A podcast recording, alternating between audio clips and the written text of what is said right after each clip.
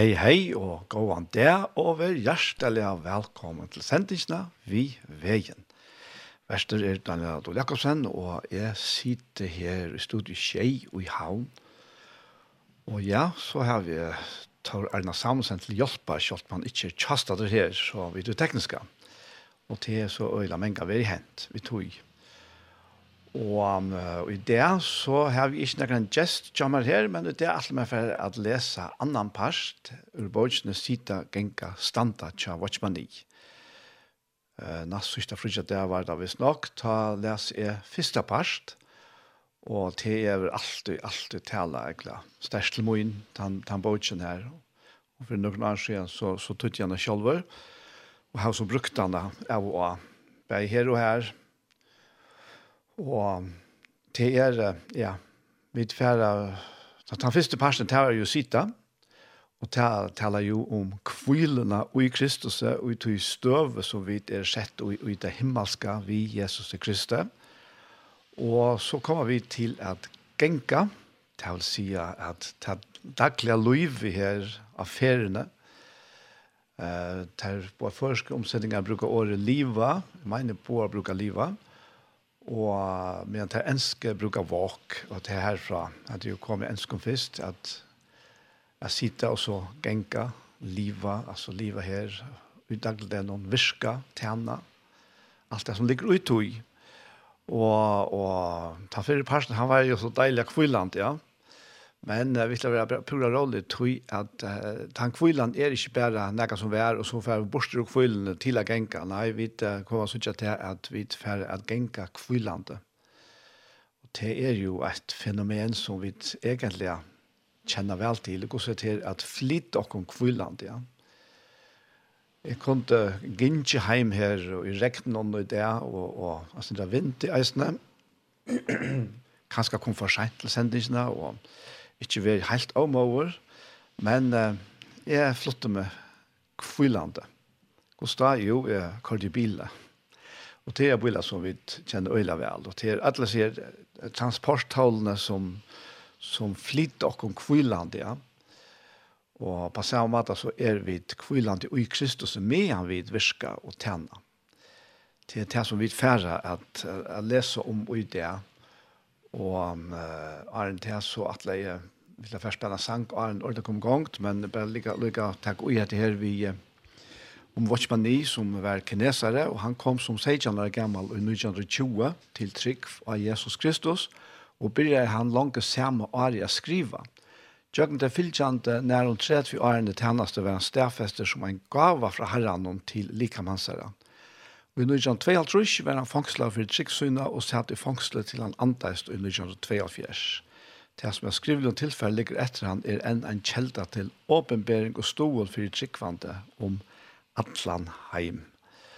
Genka, Vi tar rønt er gjørst greit at okra kristna sannrønt, eller erfaring, ikkje byrjar vi at genka, at, altså at virka, men vi er sida. Hver affær vid vente hese goddomlige kipan og høtte enda til vi vannlokka. Herren Jesus har gjort alt liot fyrir okkon, og til vi nu hava tørv av er at kvila og i alite av han. Han er settur av trådna, så vid vera båren og jøknen og hansara styrke. Det kan ikke leggjast og stå ordentlig av at ødel sånn antallig sannrøynd byrjar vi kvilom Men det endar ikke her. Håvast av kristna løyvi alltid byrjar vi a sita, så fylgjer det at genka, at virka, alt hui vi. Ta vid eina fer fri atlar er sett ui Kristus, og hava funnet okra styrkje ui a sita. Tostane byrjar vi verilega at genka. At sita løyser okkara støva vi Kristus ui til himmelskap at genka er den praktiska fremjanden her nirre av, av gjørene av to himmelske støvene som vi er sett og i vi Kristus. Som et himmelsk folk krevs det av okken at vi i okkara gjøreska ædbore bera til himmelska stemple og av hesson standast mykje troblegar. Og nå må vi spyrja, hva hever Efesos brev å sia om til at genka? Vi færre a leggja til merskes, a brava melder okkon til tvei ting, og vi færre nu a hitje etter to fyrre av dem. Og her teker nokre skriftstøy fram her ur Efesos 4 og 5. Det første brot er, «Jeg anmenner tikkun tog, jeg fengjen i herranon, at liva, altså genga, færre fram, eller færre et, kattle noen verdia, som til vår kattla vi, vi ætlån eimjukleika og spekføre. Da neste er hetta sige ta og vittne i herranon, at de moa ikkje langer liva som hedningane liva og i tomleika sinnesøyns, men at tid endur nudjast og i anda sinnestikkara. Og da tria, og livet og i kærleika Eins og Kristus elskar i okkon og gav seg sjálva fyrir okkon. Og den fjorda bråti her i Efsos Brown er Livet som bøten ljósens rannsætje kvad herran hon toknast. Åtta fer er året liva, liva som er det som er fyrir genka, etla færa fram, etla færa eit, brukt i Efsos Brown. Det mestir bokstavelig at genka om um Og Paulus brukar det her i flottare mersking, og i merskingene, at bera seg et, at lea sin etbor. Det leir okkom beint inn i evne om etboren tja til kristna, og annar parten av brevnen snur seg i ståran mån just om hetta. Men vi så i avår at Kristi likam, fellagskapet mittlen til tryggvante, eisne er eit anna tøtninga mykje evne i Efsosbraunen. Her i fjorda kapitlet sutja vid at det er samband vi henda fellagskapen, altså likamme, spurningren om at liva, at, at genka, bera seg at verur vidgjørter. Og i ljøsenen av okkara himmelska kattle heldur Paulus å at bjóa okkon av og öllun ötjon og i okkara vidskiften. Bei heima og ute med den andre. Og han vendte seg til grannar, ekta menn og koner, foreldre og bøten, arbeidsgjevarar og arbeidstakarar, og alla tøyene gjør han til å ha en ekvelig verilig hatt. Det dere være pura grei iver, at Kristi likam er ikke noe fjerst og overligt, noe som best skal omtales i himmelske vendingum. Det er sannelig nærværende og praktisk.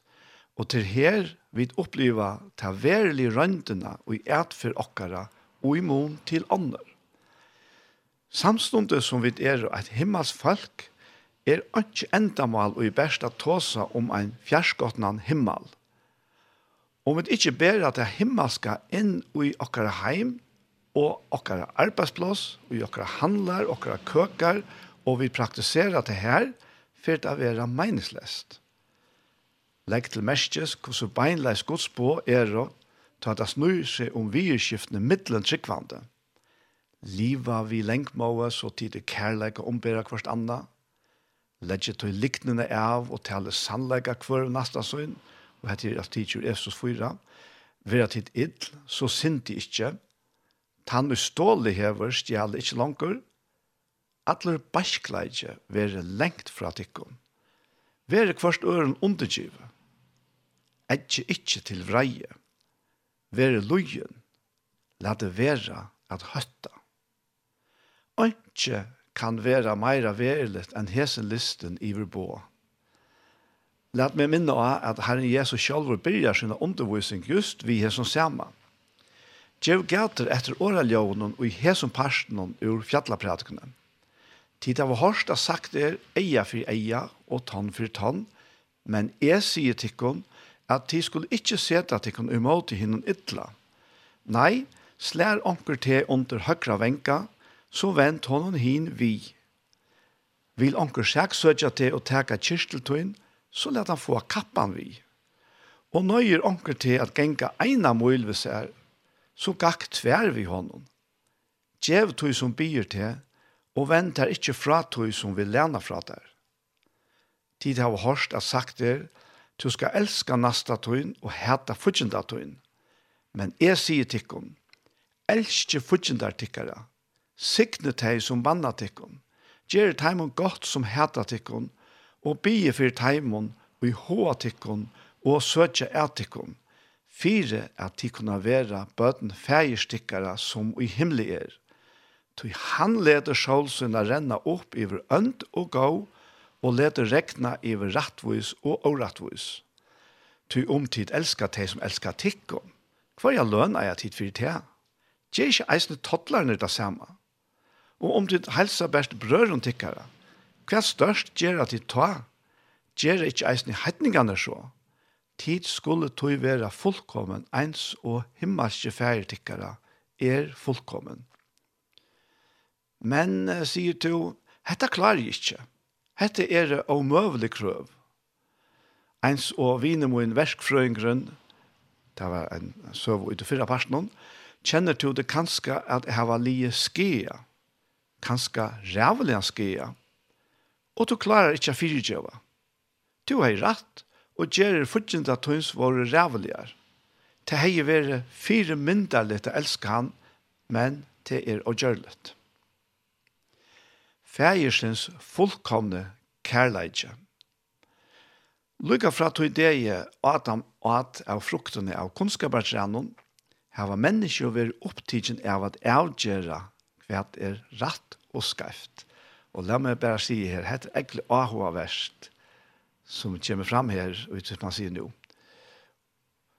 Det naturlige menneskja hever gjørst sin egne stand, gjørst sin egne standard for rett og skreft rattvise og årattvise, og mennesket hever alla tøyina strempa etter tøy standarden.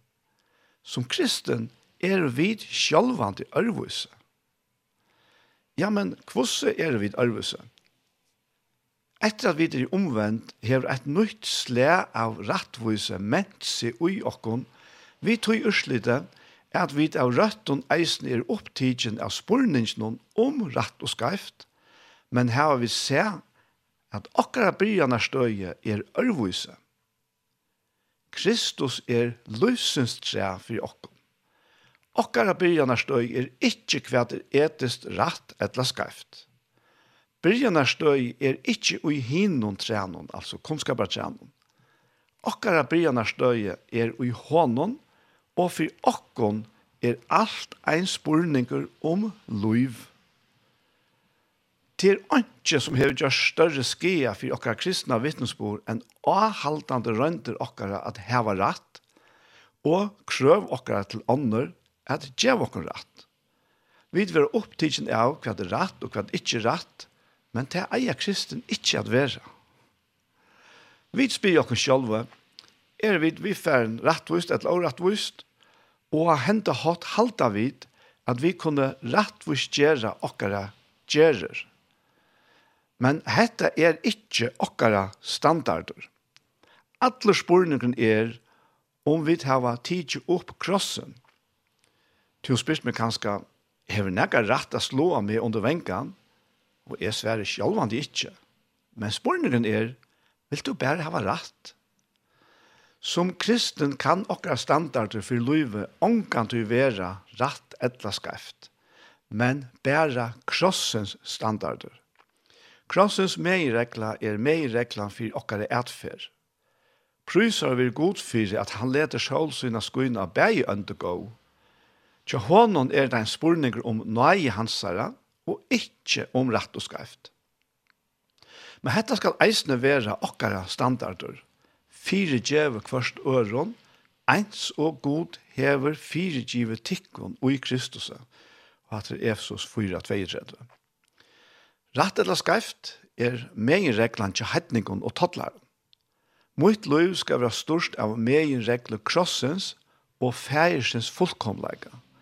Tid skulle tog være fullkommen enn så himmelske fægertikkar er fullkommen. Ein brauer i Sur-Kina hei en rusmarsk oppi ein i hatt. Ta torske vær brukte han ei vattenkjål som var drive av en trettjemilde for at litt av vattnet ur vattenveitingene opp til marsjene tja ser. Granne hans her hei tvermarsjer som lå lagren hans her, og en av nottene sette grannen hål av flækeren mittel marsjene og tok alt vattnet tja hånden. Ta hesen broren hei bøtt hål i flækaren og hei pumpa meir vatten, gjør det grannen da samme atter. Hetta endur tok seg enn er trutjar etla fyra ferer at enda ta seg han vi hinnar brøverne og male. Jeg har røynt over tålen og ikkje hent med, sier han. Men er det rett? Ta ta høyde bie i malen og svære en av teimon. Om vi best røyna gjerra til som er rett, er vi da sånn og noen vanlig kristen. Vi må gjøre meir enn bæra til som er rett. Broren gjør det offeren. Morgen etter, pumpa han fyrst vatten til ter boa marskina tja grannan Og sedna parten pumpa han vatten til sin egnu marsk. Etter hetta hei han vattnet tja seg her og i frie. Grannen var så bilsen av hesson som hesson tryggvand hei gjørst, at han byrja spyrja om årsøkjena til det. Etter stutta tog gjørdes grannen sjolvor en kristen. Tui brøver munner skuld tid ikkje hevda tikkara rettende. Halt ikkje hovast du hev gynnsi til næste mylna, at du så hev gjørst det som er rett og rett vist. Den næste møylen er bare et døme om det tri og fjore mylna. Megin reglan er at vi har gjørt og lykker Kristus. Vi hava ønskja verja, ønskja at by om, og ønskja at krevja. Vi kunne best djeva. Da Herren Jesus døy av krossen om, gjørt han det ikke for å velge okkara rattende.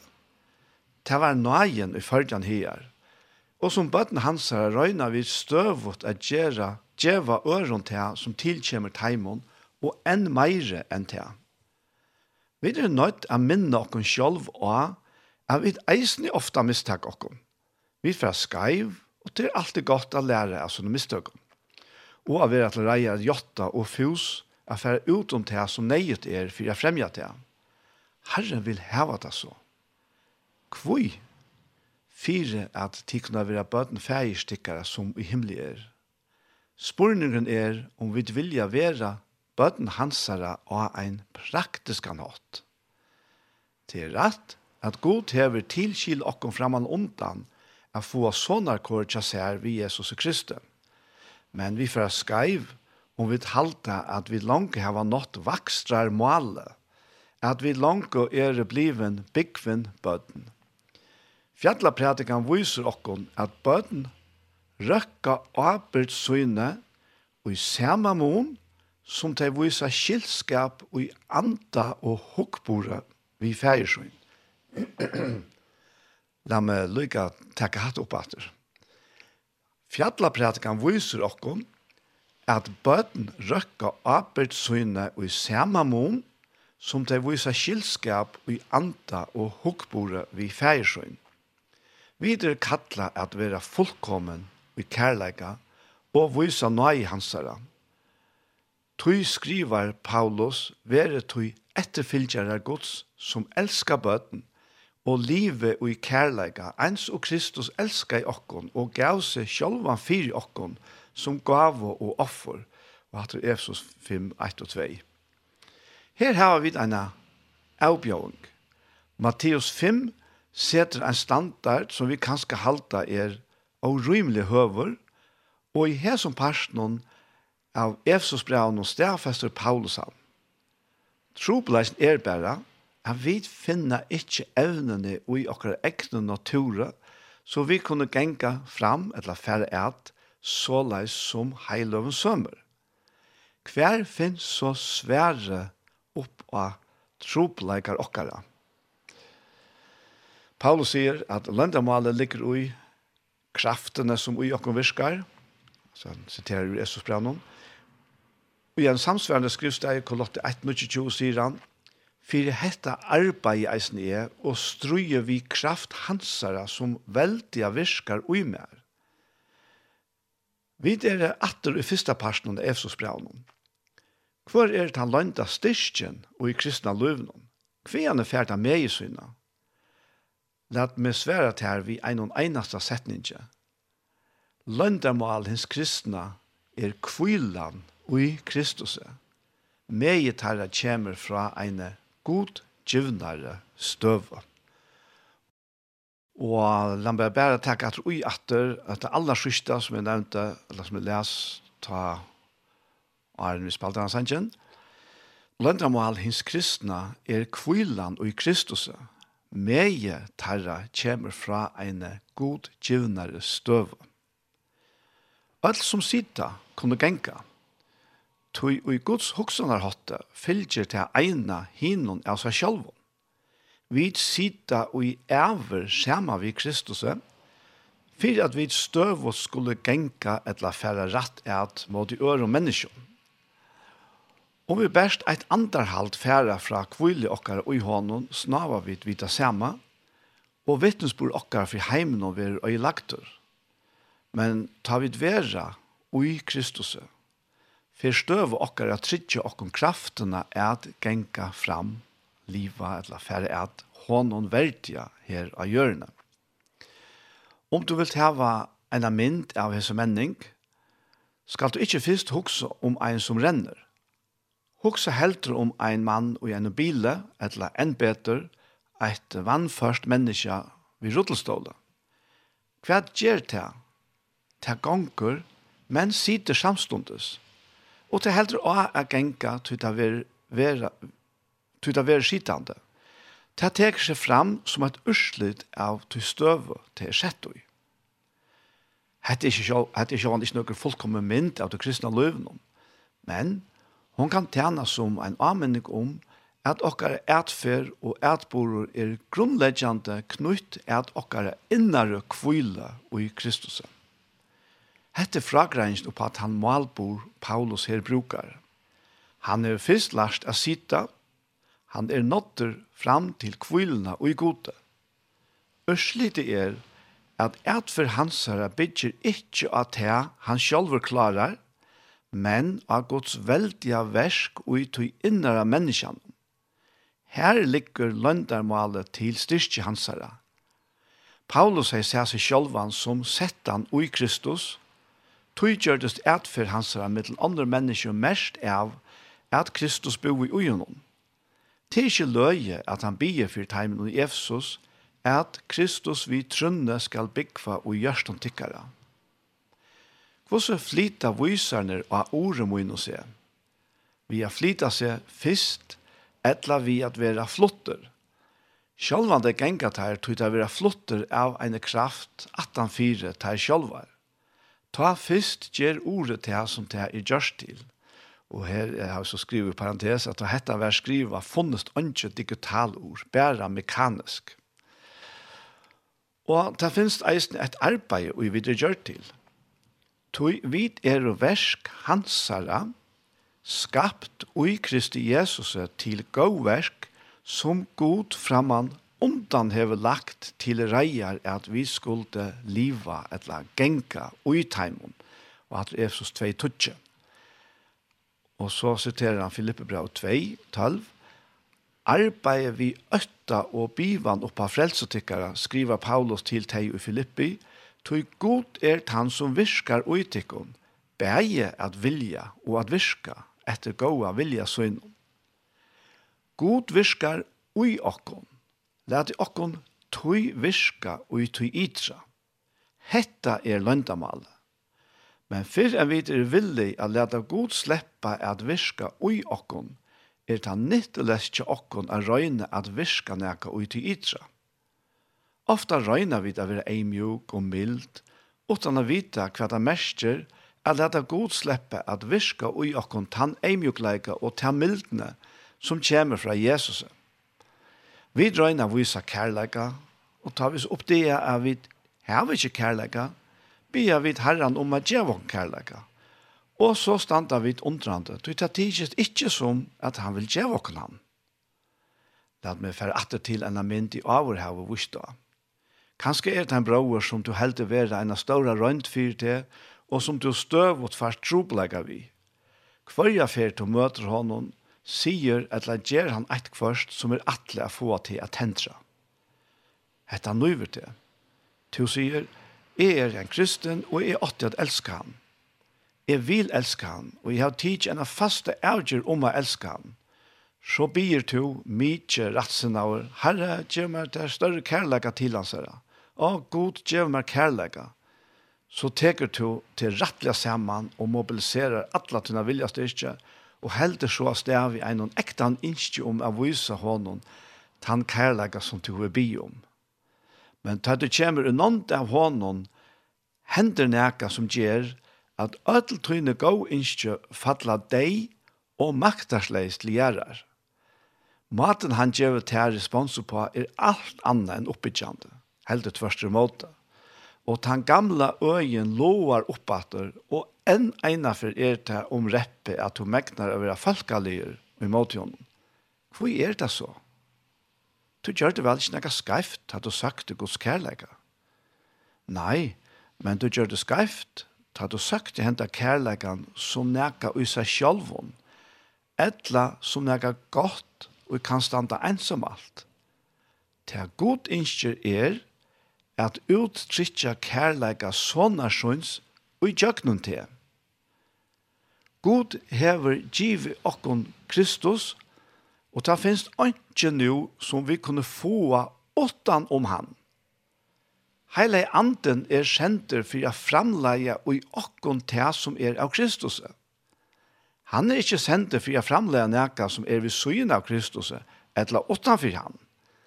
Vi styrkjast vi kraft og i innvortes menneske, menneske okkara, så vi kunne kjenne kærlighet av Kristus er, og hatt å sitere han ur Efesus brev, nå tro jeg, vers 16 og 19. Ta vid vysa og til itra, hever god fyrst lagt nir ui okkom. Lat okkom enn eina friminnas til mått mikle årene i 4 Korint 1.30. Ikkje bært sette god okkom ui Kristus. Vi hånden er eisne, Kristus Jesus, våren okkom vysdomur fra gode, rattvise, heilagjering og enderløysing. Hetta er ein av dem måtte miklast i utsøknen og i skriftene. Han som er våren okkon. Om vi trykva hæsson, kunne vi seta alt okkon tørvar inn her, og så kunne vi vita at god hever oppfyllt det. Tog jøkken heile andan ui okkon, er Jesus Kristus sjálfur gjørder til alt her okkon tørvar. Tog verre har vi vant okkon til a sutja, heilavleika som ein egenleika, eimjukleika som en nøye, og kærleika som en gav, og vi må søtje etter fra gode. Men Jesus Kristus er sjálfur alt her okko nekrant vi fer at tørva. Menga fer og i løymoin og platt er at hoksa om Jesus som en person utanfyr med sjølvan, og tog klara jeg ikkje at eimerskja, eller at identifisera han og en praktisk han hatt vi alt her som er kjent og tørva. Og tvei heil og er trillvei er og ring og jesu myskre. Jeg rønt jeg savna saman til egenleikar, jeg var viser og jeg hørte heima og i det kristna løvnån, men jeg kom ongan ved. Men så ein dag, til var i 1933, og ta hever Watchman Niver, 30 år gammal, breit til himmelska ljósi i jøknen. Jeg fikk a suttja at Jesus var givet mer av gode for at jeg kan bygge for meg vi alle syne fytling. Hver ein måneder, og han tomleik er opplevd i egenleiknum. Ta vi talta fast ved teir, leis av vireskiften vi Jesus, er egenleikene deir. Så kjøtt vi suttja til, merke til byrjanen til et nytt liv tjåkom. Okkara heilavleikje vil her etter skriva over vi ståra ha, og okkara kærleikje vil skriver vi stora K. Kristus sjálfur ver åpenbærar som svære og på öll Guds krøv ui okkom.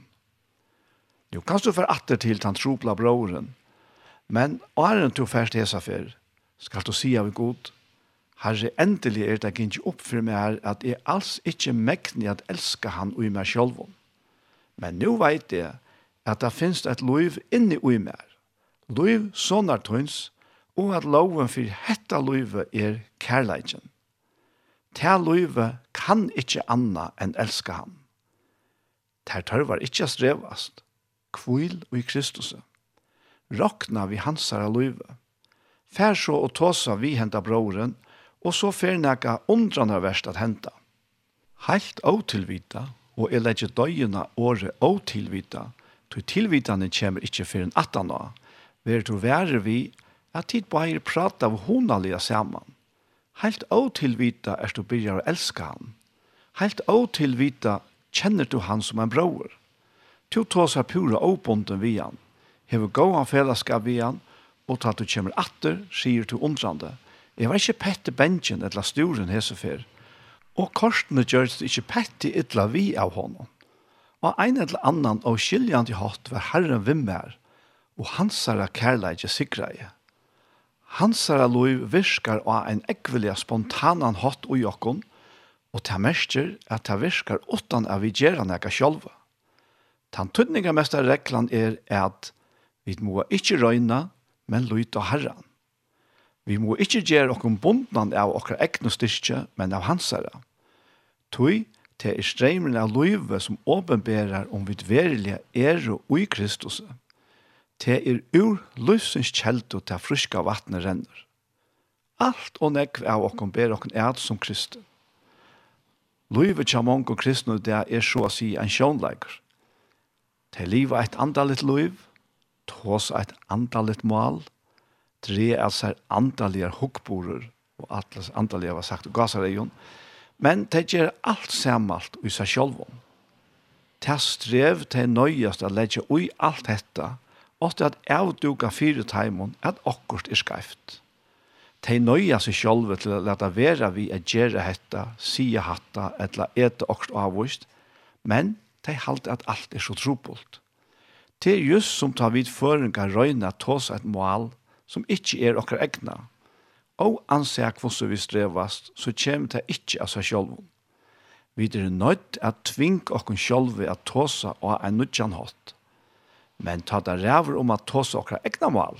Er det ikke som kan være lettere? Sjalt har vi gløyma til vi er i fervi. Ta oss vi ta korsene.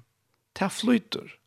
Ta kommer helt naturliga, Og sjølver spontaniteten i målen avdukar hver jo vid er. Okra liv er Kristus er liv, og til heila i anden sjølver som lever ui okkom. Og loven for hetta livet er spontan Vi som løte vi suttje hetta, endar alt okkar egna strev og vi lega fra okkon allan sjånleik. Det er ikke som er så skreilet for livet en enn kristne som har spela sjånleik for seg sjolv. Men det finnes ikke så sikna som ta okkara idra strev heldre opp hæt og hukkbor okkara gjerst naturligere. År okkara, bøner okkara, ja alt liv okkara ver er spontant og frivilligt uttrykk for til liv som er å finne innan og jokken. Her har vi funnet det av hvordan gaur Herren er, lykka så godt som te er, så godt er te som han er ui okkom. Er kraft hans rastor, tar kraften ikkje minne ui okkom, Prys av er god. Løyv hansar er lykka mått mykje som altui, og i løyvene tja teimen som tåra at tryggva gos året, for det goddomlige løyve er manifestere seg vi en kraft som ikke er pette veikere enn hon som manifesterer seg i gamle tog. Hva mener Herren vi, ta han sier, er rettvise tykkar ikke mætare enn rettvise innan skriftlærde og fariseerne kommer til altså ikke inn i rydde himmelrydges. Og hatt i Matteus 5.20. Om han fyrir har vi sett hvordan han alle tøyene drever fram motsetningen mellom krøvene i Moselov og sine egne enn hakre krøv. Alle tøyene sier han, tid av hørt har sagt vær, men jeg sier tikkene. Men tatt av langt og i flere øldre missetna ikke av menneskene røkket til fyrre standarden. Hvordan kom til Herren ta våa seg å sette sin egna standard enn hakre? Det kom til han einans tog at han troe av sitt egna liv. Han reist ikkje sjálfur a genga under de strengaste krøvene. Vi kunne avbæra vel finna trøst og a lesa lovene fyrir Guds rydtje, som der er settet fram og i Matteus kapittel 5 til 6, tog ter vysa hvordan omedallet og alit Herren hever av sitt egna liv og i søgnom bøtnen. Hese trutje kapitlene setter fram krøvene til eit goddomlet liv de veldige krøv han seter okkon vysa, hvordan vyser han er ui, at til tilfelletje han sjølver hever lagt nir ui okkon, er no mykje til at møta krøvene.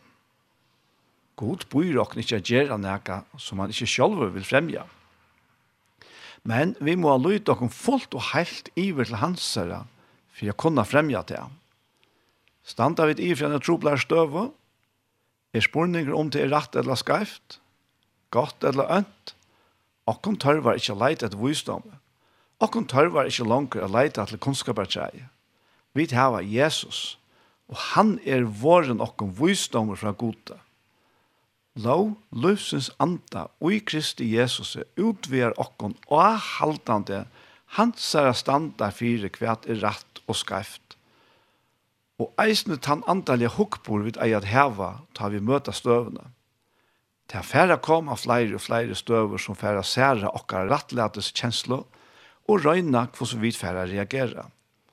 Okkon tørver at læra krossens meginregler er at standarder okkar ikkje langer er ta gamla menneska, men ta nudja, som er skapt etter gode og i rattvise og heilavleika sannleikans. Herre, jeg har ikke retten til å velge. Alt i havet er grunn til at hun er nøye, og alt er til å ut her. Jeg kjente en av gamle kristne japanske kvinner. En dag var en årekve av en tjove som har brått inn i hus henne. Og i sinne einfølte, men praktiske trygg for herren, gjør hun mannen hun en av måltøy, og så gjerne gav hun henne liklande tjøser av hesson hon gjørte, gjørtes han for skammaur, og god tala i vi han. Gjøkken hennar av vittnesbor, gjørtes med averen en brauer og i Kristus. Alt og mong kristen heva alla lærerna, men liva et liv som er og imot henne. Te vita alt om kapitlene 1 til 3 og i Efsos men te utinna ikkje kapitlene 4-6. Det har jo vært bedre unga lærere at haft enn å leve og i en motsøkn. Hever god bøyen eka, ta skal du lytte til uikos armar og teke måte tog ter tørvar for å gjøre til han hever bøye. God lærer okkon at ødel megin regla og kristna løyvnen er ui tog at vi fer ut om det som er rett å gjøre for å fremja det som er hånden tokkalet. Og i utskriften her er kjeipe hina lealig og tog. Men enda nek etter, som man sier i samband med kristne ferierna, løyve, det er helt greit at året genka, det er året liva og Efesos 4.1, hever ein tuttning at rett. Det sier bare først til en ætfer eller ætbor, men det er eisen usar tankan om framstig. A genka er a genka fram, a fylgja etter, og vi færa nu stort a hitja etter hesson vi vujtjande at vi genka mot en normale. Akte tog vel etter kvosset til liva, genki fram, færre at, ikkje som ovvis, men som vois, og kjeipe hina lealige tog, tog deerne er under. Vere ta ikkje darar, men skilje hva vilje herran ser. Tu for å legge til merkes at versen i omanfyrir Roma einu noe samband mellom spurningen og tøyene, og måne mellom visdom og dørskap. Livet som vis kjeipe hina lealige tog, vere ta ikkje darar. Hette hev tøytning. Jeg får minna til å tvei andre skriftbrott, her hette er knytt saman og en luknande hatt. Og nå får jeg først i Mattias 25. Ta skal rydje himmelrydjes være a lukna vi tuttje modjar Fem tæra vårt dårar og fem klokar. Tær ut dårar vår og tåg og vust, lampersynnar, men tåg og onka oljevissar. Men om midnatt hørtes råp, brukkameren kjemmer, fær i mål til honom. Ta vakna av alla modjanar og gjør lampersynnar til. Tær ut dårar vår og søtta, lamper okra sløkna. Men ta ut tær vår farnere sted er kjeipa, kom brukkameren og tær som til reier våre for inn vi honom i brittleppet, og dittna vår latnar atter. Settene kom og så eisne hinar mødjanar. Og så kommer et brot ur åpenberingen fyrstan. Jeg fikk nå suttja lampe stand av Sions fjallet, og vi tog 144.000 som høyde navn lamsens og navn fægirstess skriva av pannen hon. Teir er som mødjar. Hette er teir og fylgja lampen og hverda så fer. Heser er kjepte fra menneskene frumgråur gods og lamsens. Og i munnet herra er ønsken likn funnen, teir er og lastande. Det er flere bråd i skriftene som viss okken om at det god er byrjar på for han eisne fullføra. Frelsar okkar er ein frelsar allan vegin. Ønsken kristen for å være halv frelstur til endas, Sjalt om dette kunne du sagt om okken nå, God for å gjøre alle mennesker som trykva av han fullkommen. Til her som vi trykva, og til hetta vi må ha i hova i samband vi til vi fer å sia vujare. Av samme hatt som Paulus er vid, fullvis at han som byrja i godt versk og i tikkon, skal eisne fullføre til til det Jesu Kristus.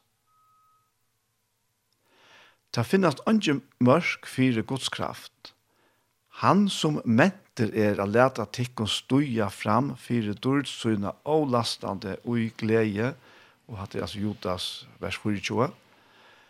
Det er ta vid vend okkon til ta subjektive syna av sætjene til ta praktiske funksjonene og jokra loive her og nu av gjørene, er vi vil ha sett i for spurningen om tog. Og i åpenberingen først lesa vid om en frumgraver, og om et hest, Kvært er monere mittel at hest og en frumgrauer. Det er i kvoss og er ikkje dikten. Ty öll grøyen er ein. Monere ligger best og i nært hava bona. Nekra frukter bonast og er en ærar, og at han hatt gjerast her en frumgrauer. Nu kommer vårt man så vi er noen døme fra sin heimboje.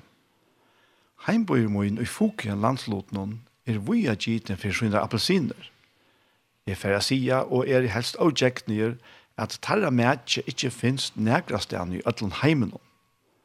Ta du hikker ut i fjallarridgjenar og i byrjanene av appelsin, sesongjene, er jo atler urstagærene grønner. Men om du hikker gjøtla, sørst du at her og her mittlen trøyene er langt giltar appelsiner av suttja. Det er en vøkersjån tatt du sørst disse gilt og blettene mittlen til myrka grønne trøyene Sættene er så alle grøyen stegen, og færre orsdageren ta av vera som god. Men nu er det som frumgråren som vil heste over. Ter, altså appelsiner, vera vi hånd, henta jeg væreslige, og til hesar som noe hakste prysner av marsnainon. Ofta trudja fyrir så huar som om heste. Alt bonast så etla så, men lampe søknast etter frumgråren ter vise og i lyktelsen er ikke det her som har gjort det bedre, men det her som nå tullja gjør det til godt. Legg til mestes at hina vår eisne motjar, i valde stårar, men ikke falskar. Saman vi teim og klok og vår ter farnar og imot brukka av noen. Ter hadde eisne olje av lampen og lamper tarra brent. Men ter hadde ikkje råkna vi av nøyast av boja. Og ta tarra lampor vikna av hadde der ikkje olje å teka til og i uiløten så innom. Her at seg hadde hinar ikkje no mykje til tarra eisne. Nøkker gjerast og rålig at hos som herren sier vitt her som vår dvarar. Jeg kjenner det kun ikkje. De undrast av hvordan han kan sige hetta, ta der omboa sanno bøtten hansara. Trulova i tikkon vi ein rein modj for Kristus, at det er uren Korint 11, Men vi må skilja alla chattene vi undervisningen av hans lyknelsen. Og det er at det finnes en tjeneste for fremman at gjøre for han som kan gleppa bøtten hans av hånden om vi er og fire reika. Det stender at her fem kom til dittnar og søtte, Herre, Herre, led dere opp. Hva er dyr er talan om? Det er kvosser er ikke dyr frelsenar, Ty om du erst fortapt, du kan du ikke komme til himmelsens dyr og benka. Så da Herren sier, jeg kjenner det kun ikke, så brukar han helt visst hese årene og i en avmarska om tøtninga som og i hese myndene. Og så kommer vi en døm her.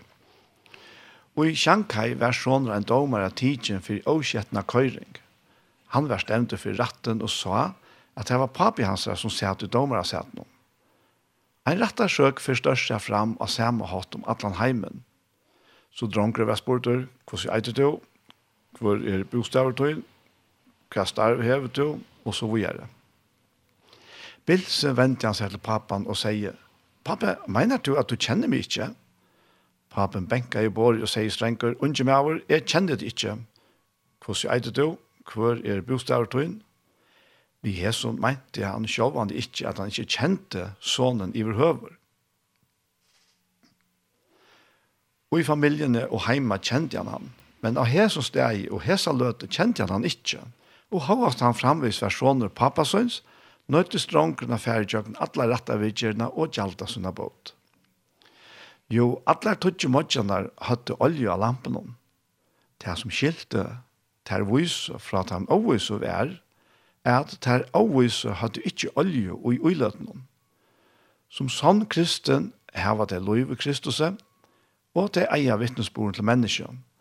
Men det har en skrøypelig av vittnesbord, tog til livet ur hånden i munnen. De har andan, men de er ikke til å nevna fyllt av andan. Tog ta en kreppa kjemer mot de kjeipa meire olje. Og i rønt og vær hadde de allar sjolvande no mykje. Men månere var at her vise hadde no mykje av olje til retta av tog, medan her avvis hadde no mykje en av lenka stund, men hadde ikkje skilt endamalet vi oljene. Alt er en spurning om tog, og hetta er tjattnan og i tog som Herren røyner slåken fast, ta han i endan av luknelsen og etter lærersveinen som til, ikkje best av være lærersveinar, men av være lærersveinar som vetja og drekker til kun ikkje druknar og vinne som for overflutja visser, men vi er filtre av andanon, Efesos 5 og 18 og i dals omsetning. Og i Mattias 25 vil ikke meint vi ta vi takka imot Jesus Kristus, og heldur ikkje vi ta heile anden kjemmer iver tænare hans vi andalig gav. Talan er om eika olje og en uilade, om at varvaida ljøse, lykka mykje hvordan lang bojetøyen kan være, vi hjelp av en avhaldande ivernaturlig tilførsel av andan og ut i innere menneskene. Tog medan til lyktelsen er talan om bæg en lampa og et uilad, er vi bæg lampan og uiladet. Hvor kristen kan liva i avleikan i himmelen utan å kjenne til innare fytlene.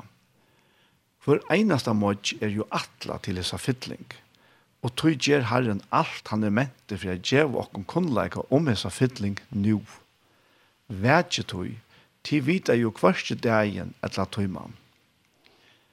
Plerus det er tan sermersta maliska og hever nøyt i samband vi heile andan.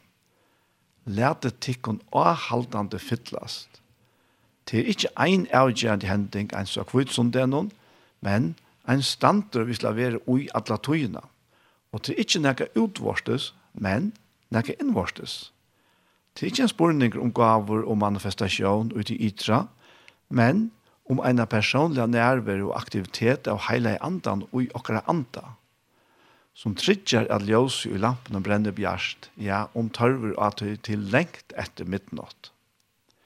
Her er det er ikke bare en personlig søk, som det tydelig skilst, og i neste verset, så er det nækka vi skulle lota vi andre tryggvande og i en syn av middelen samljøet tøy hetta vere filtre av andan om. Mestur i hesson versen ikkje bæra at de sinja og spela fri herran hjertatikkara, men at tid tala kvars til anna vi salmon, lovsong og no andan i omvisom.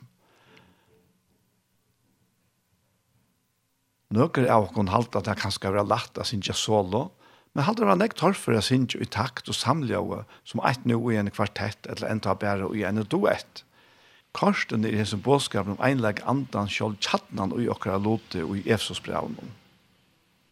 Fittling andans vil given okkon fyrir at vi saman skulle sinja ein nudjansang framma fyrir trónene.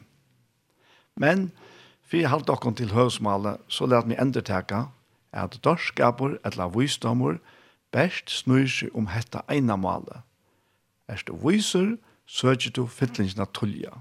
Men erst du avviser, setter du det ut til settene. Nøkere av åkken er foreldre og eierbøten. Nei, som disse bøten kunne være imisk av lint. Det ene er løye vidt av samme, men et annet helter at jeg kan utsette og her vil slippe undan å gjøre som det skal. Om det virkelig er så, og veikleis tog leder til å slippe undan, så er det rønt å være til battene og utsetter som er det kloka. Tog til jeg har etna visser i rønt og synd å slippe undan.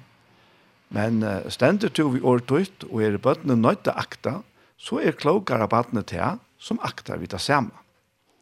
Gjeres grei iver kvært vi er Guds vilje.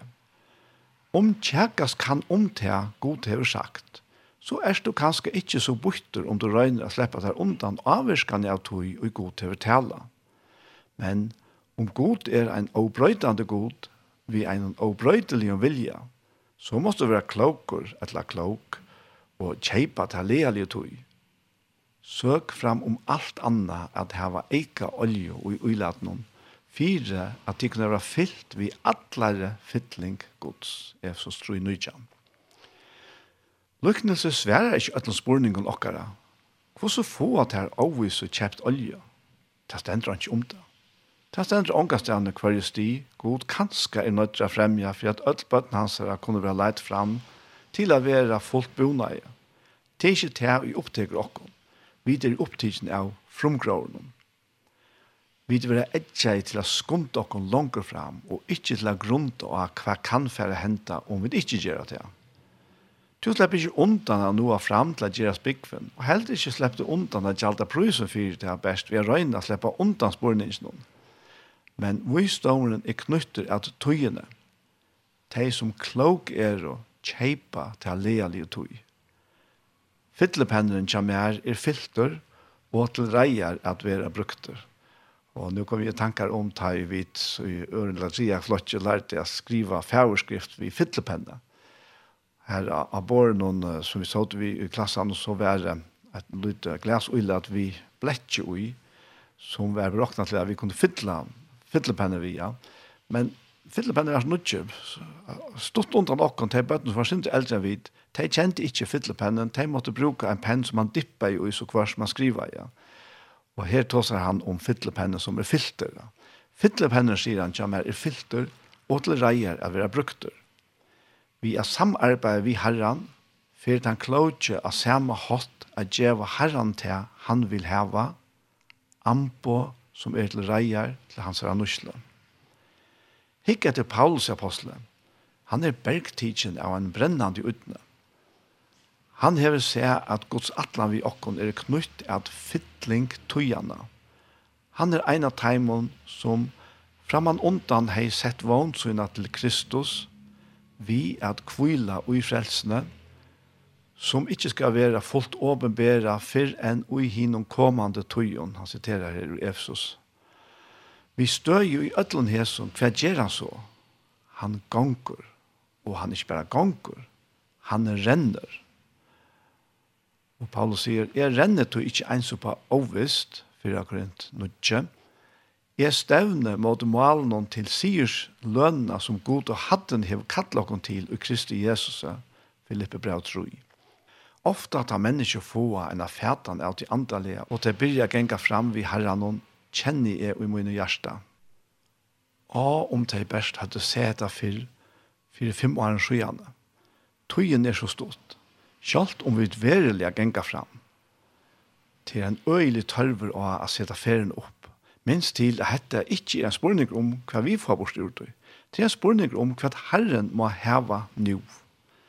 Til Herren og tørver i det, er det ambo som er til reier av hverandre ut. Hvor? To ideene er under. Støvan er desperat mittlen til kristne. Og om vi bare så hetta. Herre må gjerne gjøre akkurat ekvislet vi okkom.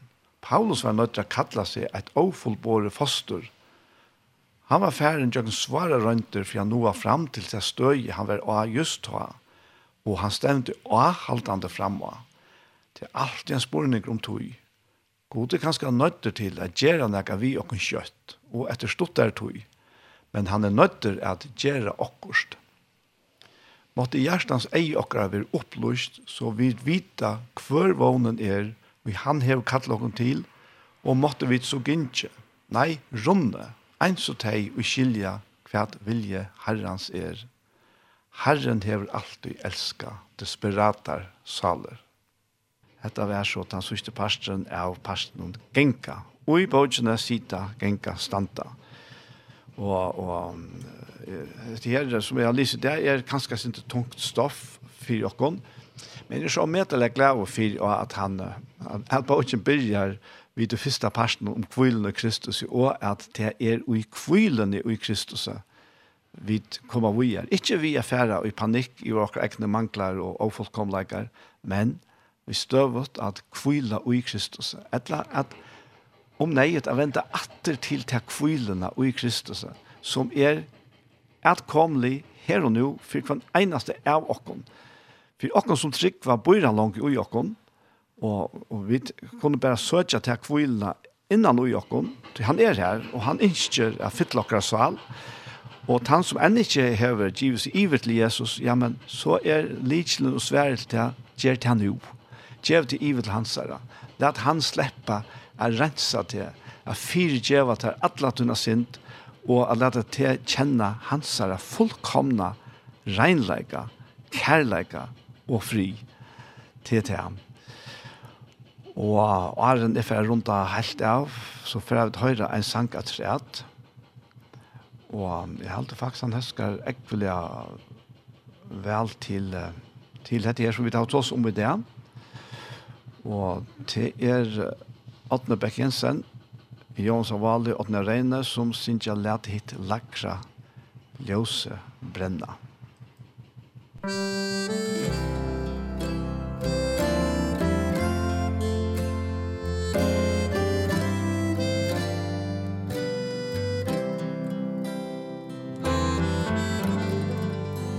Bjarst vår svær Sjörs, Majes,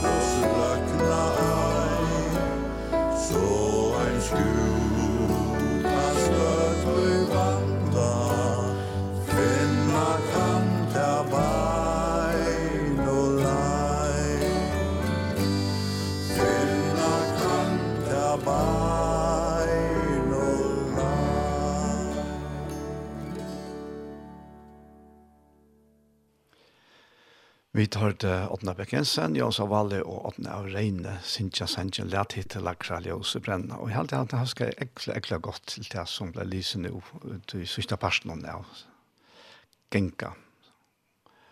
Og vi, jeg halte skal være begynne bøn, og er ferdig at djevast. Feier og i Jesu Kristi navnet, så takkar vi til her, for underfotla ratuit herre. Takk deg for at frelsa tøyen ikke bare våre isolera i tankar til deg sjálvun, men herre at du utførte det rent praktisk ta du gast sånn tøyen til båt for sindre okkara. Og reiste han opp atter og sette han i hasete til deg sjálvun herre. Fære takk deg for sånn tøyen herre, takk deg for at det er tøyen kraft som ber okkene jøkkenen, og vi tar ikke annet alit her. Men kjenner nøye til noe gøske til noe herre. Hver affær vi kanskje er kommet bort fra kvilene, og akkurat av tog som vi ikke ikke skal hente henter, så takk det for at blå Jesu Krist renser dere fra alle sint. Takk for at jeg er en avhaldende rensan, Herre. Prøys deg for det, Herre. Jeg var sikne til som har lusta, og til som færre at lusta. Takk for det at to vi heile andan om taler til ta innere av hver enkelt og av okken herre. Vi tar avhaldande bruk for å kjenne tynne nerver, kjenne kvilen og det her, og kjenne rødt tynne tale til okken herre. Prysa vi et ondfotla navn, og signe land og folkere i tynne navn. Amen. Så vær hentet her sendingen vi veien kom enda. Vester er Daniel Adol Jakobsen, og Og i det så les jeg uh, genka og i sida genka standa han parsten her, han ble bort oppe i tru og så spalte jeg tonlag i middelen her hentan her sendingen hover høyre atter i kvöld klokkan nutje, og atter i morgen arne klokkan fem så etter det beste sida tusen takk for i esfer og godt vikskiftet doch der Ting, den ich ein so. heims